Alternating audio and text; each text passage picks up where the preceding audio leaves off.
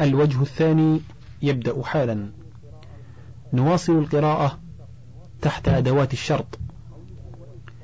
قوله وإذ لما مضى ويقع بعدها الجملتان وذلك بلا فصل لأنه لا يطرأ عليها معنى الشرط كما في إذا لأن جميع أسماء الشرط متضمنة لمعنى إن وإن للشرط في المستقبل وإذ موضوعة للماضي فتنافيا. وإذ إذا دخل على المضارع قلبه إلى الماضي كقوله تعالى وإذ يمكر بك الذين كفروا وإذ يقول ويلزمها الظرفية إلا أن يضاف إليها زمان كقوله تعالى بعد إذ نجانا الله منها وقوله تعالى بعد إذ أنتم مسلمون ولم يعهد مجرورا باسم إلا ببعد ويقع مفعولا به كقولك أتذكر إذ من يأتنا نكرمه؟ وقوله تعالى واذكر أخا عاد إذ أنذر قومه. على أن إذ بدل من قوله أخا عاد. وقيل في نحو قوله تعالى وإذ واعدنا إنها زائدة كما مضى. وقيل هي مفعولة لذكر ويلزمها الإضافة إلى الجملة وإن حذفت لقيام القرينة عوضت منها التنوين كما في قوله وأنت إذ صحيح فيكسر ذالها أو يفتحها كما مر ويلزمها الكسر في نحو يومئذ لما مر.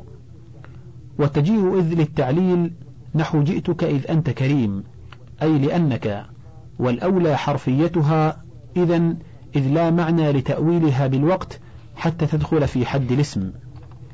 واعلم أنه يقبح أن يليها اسم بعده فعل ماض نحو إذ زيد قام بل الفصيح إذ قام زيد لأن إذ موضوع للماضي فإيلاؤه الماضي أولى للمشاكلة والمناسبة ولا يرد عليه نحو إذا زيد يقوم لأن إذا على مذهب سيبويه داخلة على يقوم المقدر المفسر بهذا الظاهر.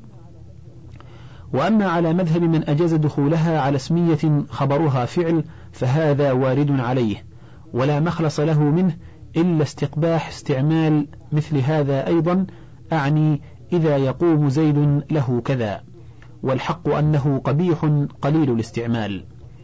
وقال المصنف معتذرا عن صاحب هذا المذهب إن يقوم ليس للاستقبال بل للحال على وجه الحكاية وفيه نظر لأن مثل إذا يقوم زيد فقل له كذا مقصود به القيام الاستقبالي وحكاية الحال المستقبلة مما لم يثبت في كلامهم كما ثبتت حكاية الحال الماضية.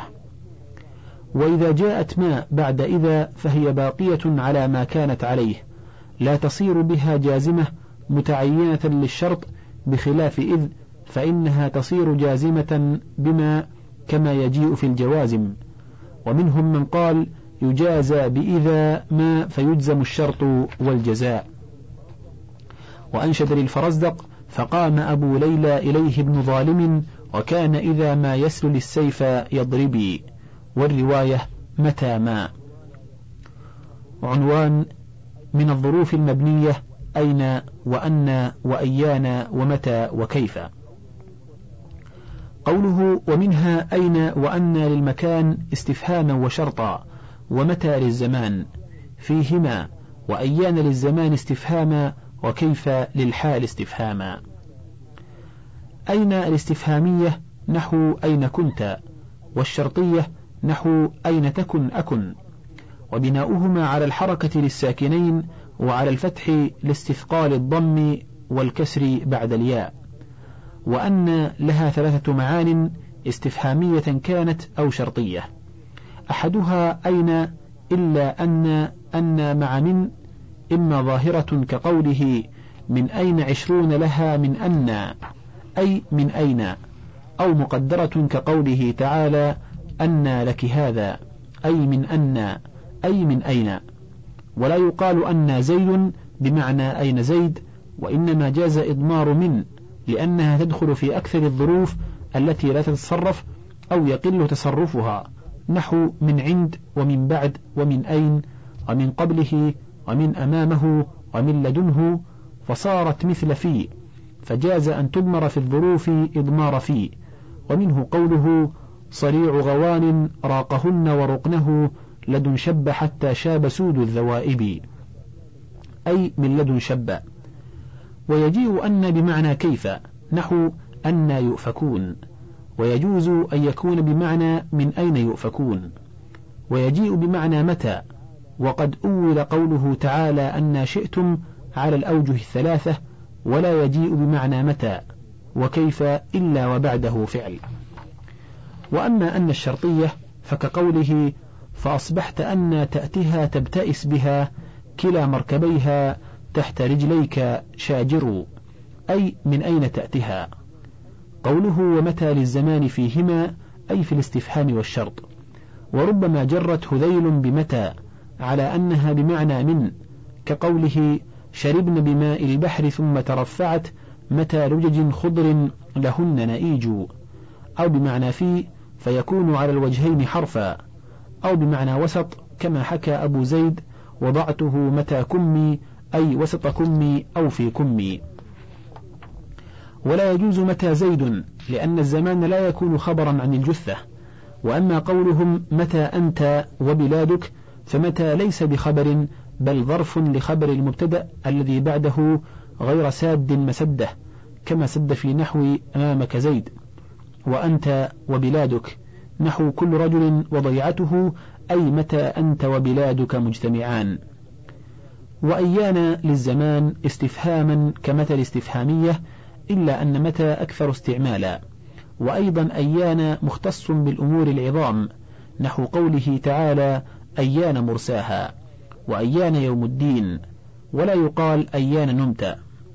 وكسر همزته لغة سليم وقال الأندلسي كسر نونها لغة والأولى الفتح لمجاورة الألف وكتب الجمهور ساكتة عن كونها للشرط وأجاز بعض المتأخرين ذلك وهو غير مسموع. ويختص أيان في الاستفهام بالمستقبل بخلاف متى فإنه يستعمل في الماضي والمستقبل. قال ابن جني ينبغي أن يكون أيان من لفظ أي لا من لفظ أين للمكان ولقلة فعال وكثرة فعلان في الأسماء فلو سميت بها لم تصرفها. قال الأندلسي ينبغي أن يكون أصلها أي, أي أوان.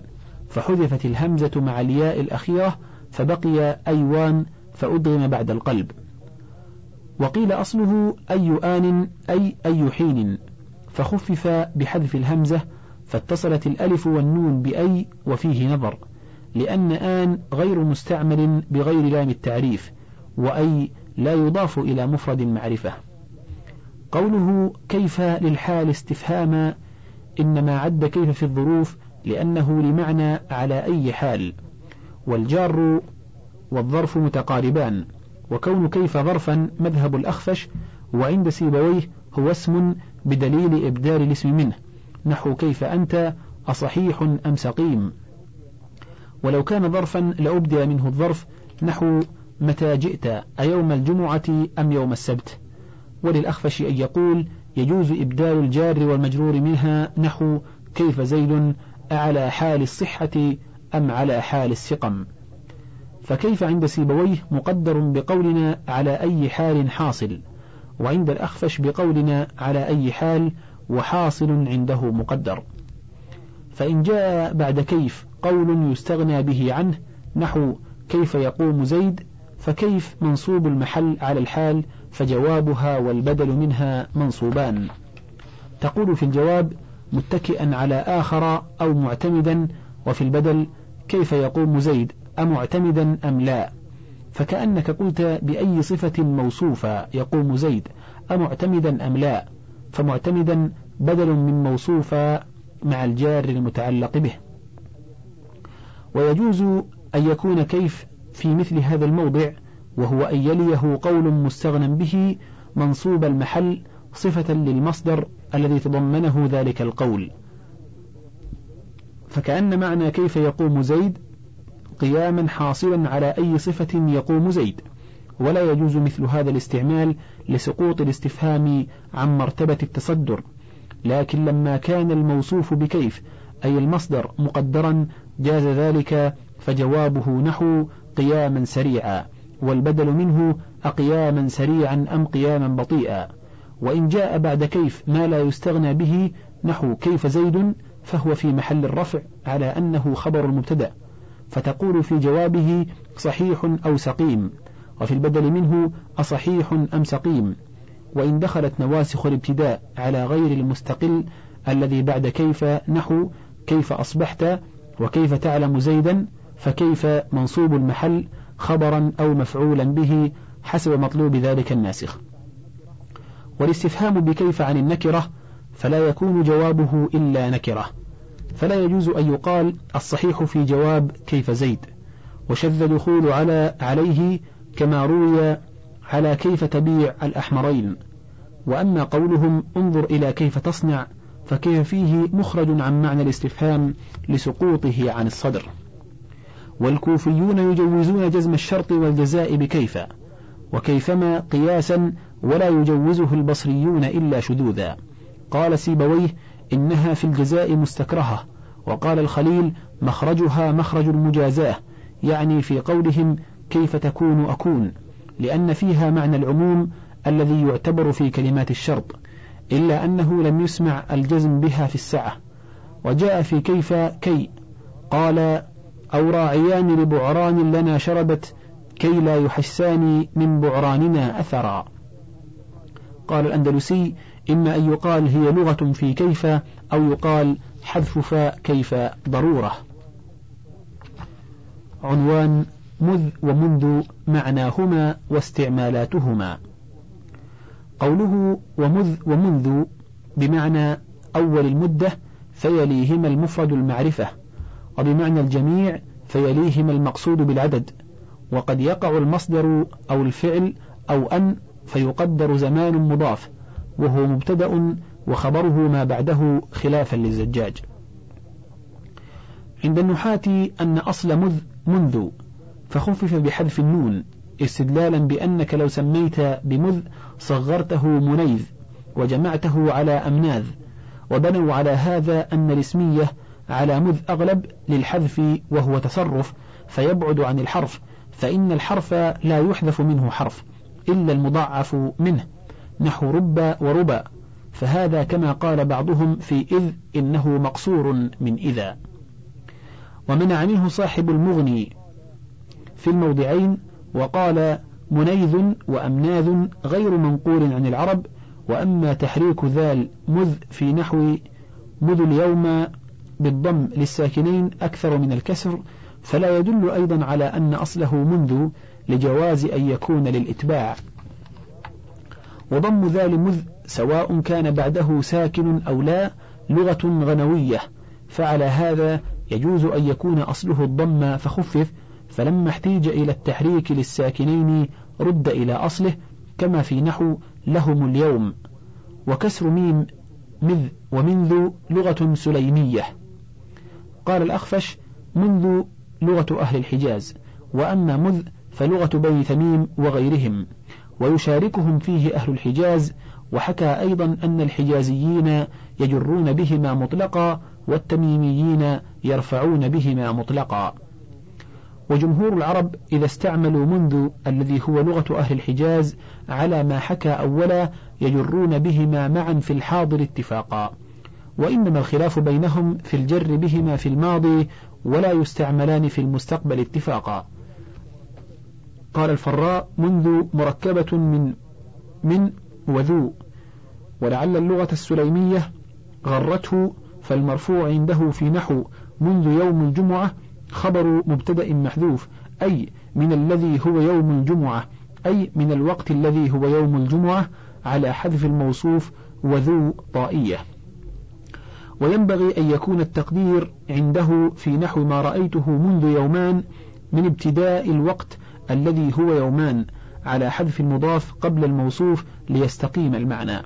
وقال بعض الكوفيين أصل منذ من إذ فركبا وضم الذال للساكنين فالمرفوع فاعل فعل مقدر فتقدير منذ يوم الجمعة من إذ مضى يوم الجمعة أي من وقت مضي يوم الجمعة. وينبغي أن يكون التقدير عنده في نحو ما رأيته منذ يومان من إذ ابتداء يومان أي إذ ابتداء اليومان اللذان قبل هذا الوقت بدخولهما في الوجود أي من وقت ابتداء يومين. وأثر التكلف على هذا المذهبين ظاهر لا يخفى وينبغي أن لا تكون منذ الجارة على المذهبين مركبة إذ يتعذر التأويلان المذكوران في الجارة بل تكون حرفا موافق اللفظ للفظ هذا الاسم المركب. وقال بعض البصريين هما اسمان على كل حال فإن خفض بهما فعل الإضافة وعلة البناء عند هؤلاء أما في حال رفع ما بعدهما فلما يجيء من كون المضاف إليه جملة كما في حيث وأما في حال جره فلتضمنها معنى الحرف لأن معنى منذ يوم الجمعة من حد يوم الجمعة ومن تاريخه فهما بمعنى الحد المضاف إلى الزمان متضمنا معنى من ومعنى مذ شهرنا من أول شهرنا وكذا مذ شهر من أول شهر قبل وقتنا على ما سيجيء من أنه لا بد لمذ ومنذ من معنى ابتداء الزمان في جميع متصرفاتهما. فإذا تقرر هذا قلنا إذا انجر ما بعدهما ففيهما مذهبان الجمهور على أنهما حرف جر وبعض البصريين على أنهما اسمان. وإذا لم ينجر ما بعدهما فلا خلاف في كونهما اسمين لكن في ارتفاع ما بعدهما أقوال. الأول لجمهور البصريين أنهما مبتدآن ما بعدهما خبرهما على ما يجيء تقريره. والثاني لأبي القاسم الزجاجي أنهما خبر مبتدأين مقدمان. فإن فسر الزجاجي مذ ومنذ بأول المدة وجميع المدة مرفوعين كما يجيء من تفسير البصريين فهو غلط. لأنك إذا قلت أول المدة يومان فأنت مخبر عن الأول باليومين وأيضا كيف تخبر عن النكرة المؤخرة بمعرفة مقدمة. والزمان المقدر لا يصحح تنكير المبتدأ المؤخر إلا إذا انتصب على الظرفية نحو يوم الجمعة قتال. وإن فسرهما بظرف كما تقول مثلا فيما رأيته منذ يوم الجمعة أي مع انتهائها أي انتهاء الرؤية يوم الجمعة وفي ما رأيته مذ يومان أي عقيبهما وبعدهما أي بعد الرؤية يومان فله وجيه مع تعسف عظيم من حيث المعنى. والثالث والرابع قول الفراء وبعض الكوفيين كما تقدم ولا بأس أن نركب مذهبا خامسا من هذه المذاهب وإما قال المالكي فيهما فنقول إنهم أرادوا ابتداء غاية للزمان خاصة فأخذوا لفظ من الذي هو مشهور في ابتداء الغاية وركبوه مع إذ الذي هو للزمان الماضي. وإنما حملنا على تركيبه من كلمتين وجود معنى الابتداء والوقت الماضي في جميع مواقع مذ كما يجيء وهما معنى من وإذ فغلب على الظن تركبه منهما مع مناسبة لفظه للفظهما وأمور النحو أكثرها ظني. فنقول حذف لأجل التركيب همزة إذ فبقي منذ بنون وذال ساكنين. وحق إذ أن يضاف إلى الجمل والإضافة إليها كلا إضافة كما مر فضم الذال لما أحوجوا إلى تحريكها للساكنين تشبيها له بالغايات المتمكنة في الأصل كقبل وبعد. ولما صار على ثلاثة أحرف بخلاف إذ قبل التركيب فإنه وإن كان واجب الإضافة إلى الجمل إلا أن وضعه وضع الحروف فلم يشبه الغايات المعربة الأصل كما شابهها حيث فكأنه حرف لا اسم مضاف وذلك أن أكثر ما يضاف اسم على ثلاثة أحرف أو أكثر فبقي منذ كما هو اللغة السليمية ثم استثقلوا الخروج من الكسر إلى ضم لازم مع أن بينهما حاجزا غير حصين. فضموا الميم إتباعا للذال ثم إنهم جوزوا تخفيفه بحذف النون أيضا فإذا كان كذا رجع الذال إلى السكون الأصلي إذ التحريك إنما كان للساكنين. والغرض من هذا التركيب تحصيل كلمة تفيد تحديد زمان فعل مذكور مع تعيين ذلك الزمان المحدود كتحديد زمان عدم الرؤية في نحو ما رأيته منذ يوم الجمعة وتحديد الزمان مع تعيينه يحصل إما بذكر مجموع ذلك الزمان من أوله إلى آخره المتصل بزمان التكلم نحو منذ يومان ومذ اليومان ومذ سنتان ومذ زيد قائم إذا امتد قيامه إلى وقت التكلم. وإما بذكر أول الزمان المتصل آخره بزمان التكلم غير متعرض لذكر الآخر للعلم باتصاله بوقت التكلم مخصصا لذلك الأول بما لا يشاركه فيه غيره مما هو بعده. نحو مذ يوم الجمعة ومذ يوم قدمت فيه ومذ قام زيد. تريد يوم الجمعة الأقرب إلى وقت التكلم إذ لا يشاركه في هذا الاسم ما بعده من الأيام. ففي الأول يجب أن يكون أصل منذ من أول إذ فحذف أول المضاف إلى إذ ثم ركب منذ من من وإذ كما ذكرنا وذلك لأن معنى منذ زيد نائم من أول وقت نوم زيد. وأما الثاني فلا يحتاج فيه إلى تقدير مضاف وحذفه إذ معنى منذ قام زيد منذ قيام زيد فنقول يضاف منذ إلى جملتين أما الإسمية الجزئين فنحو منذ زيد قائم والمعنى فيها جميع المدة ولا أعلمها بهذا القيد مستعملة لأول المدة. وأما التي أحد جزئيها فعل فإن كان الفعل ماضيا نحو منذ قام زيد ومنذ زيد قام فهو لأول المدة وإن كان مضارعا نحو منذ يكتب زيد ومنذ زيد يكتب فإن كان المضارع حالا فهو لجميع المدة وإن كان حكاية حال ماضية فهو لأول المدة ولا يكون مستقبلا لأن منذ لتوقيت الزمان الماضي فقط لتركبه من إذ الموضوع للماضي. وقال الأخفش لا يجوز مذ يقوم زيد للزوم مجازين. كون يقوم قائما مقام قام وحذف زمان مضاف على ما يجيء في تقرير مذهب جمهور البصريين. والأصل جوازه لأن يقوم كما قلنا حال أو حكاية حال وليس المضاف محذوفا كما اخترنا. وجاز أيضا أن يضاف منذ إلى الجملة المصدرة بحرف مصدري لتغير إذ بالتركيب عن صورته التي كان معها واجب الإضافة إلى الجملة فيكون كريث وآية على ما ذكرنا من أنه يجوز تصدير الجملة التي بعدهما بحرف مصدري لكونهما غير صريحين في الظرفية. فتقول منذ أن الله خلقني ويجوز أن يدعى أن منذ في مثله مضاف إلى جملة محذوف أحد جزئيها كما يجيء بعد في المصدر الصريح نحو منذ سفره. ثم نقول حذف أحد جزئي الجملة المضاف إليها وجوبا إذا كان الباقي مجموع زمان الفعل من أوله إلى آخره المتصل بزمان التكلم معرفة كان أو نكرة. نحو منذ يومان ومنذ رجب إذا كنت في شهر رجب ومنذ شهر نحن فيه ومنذ شهرنا.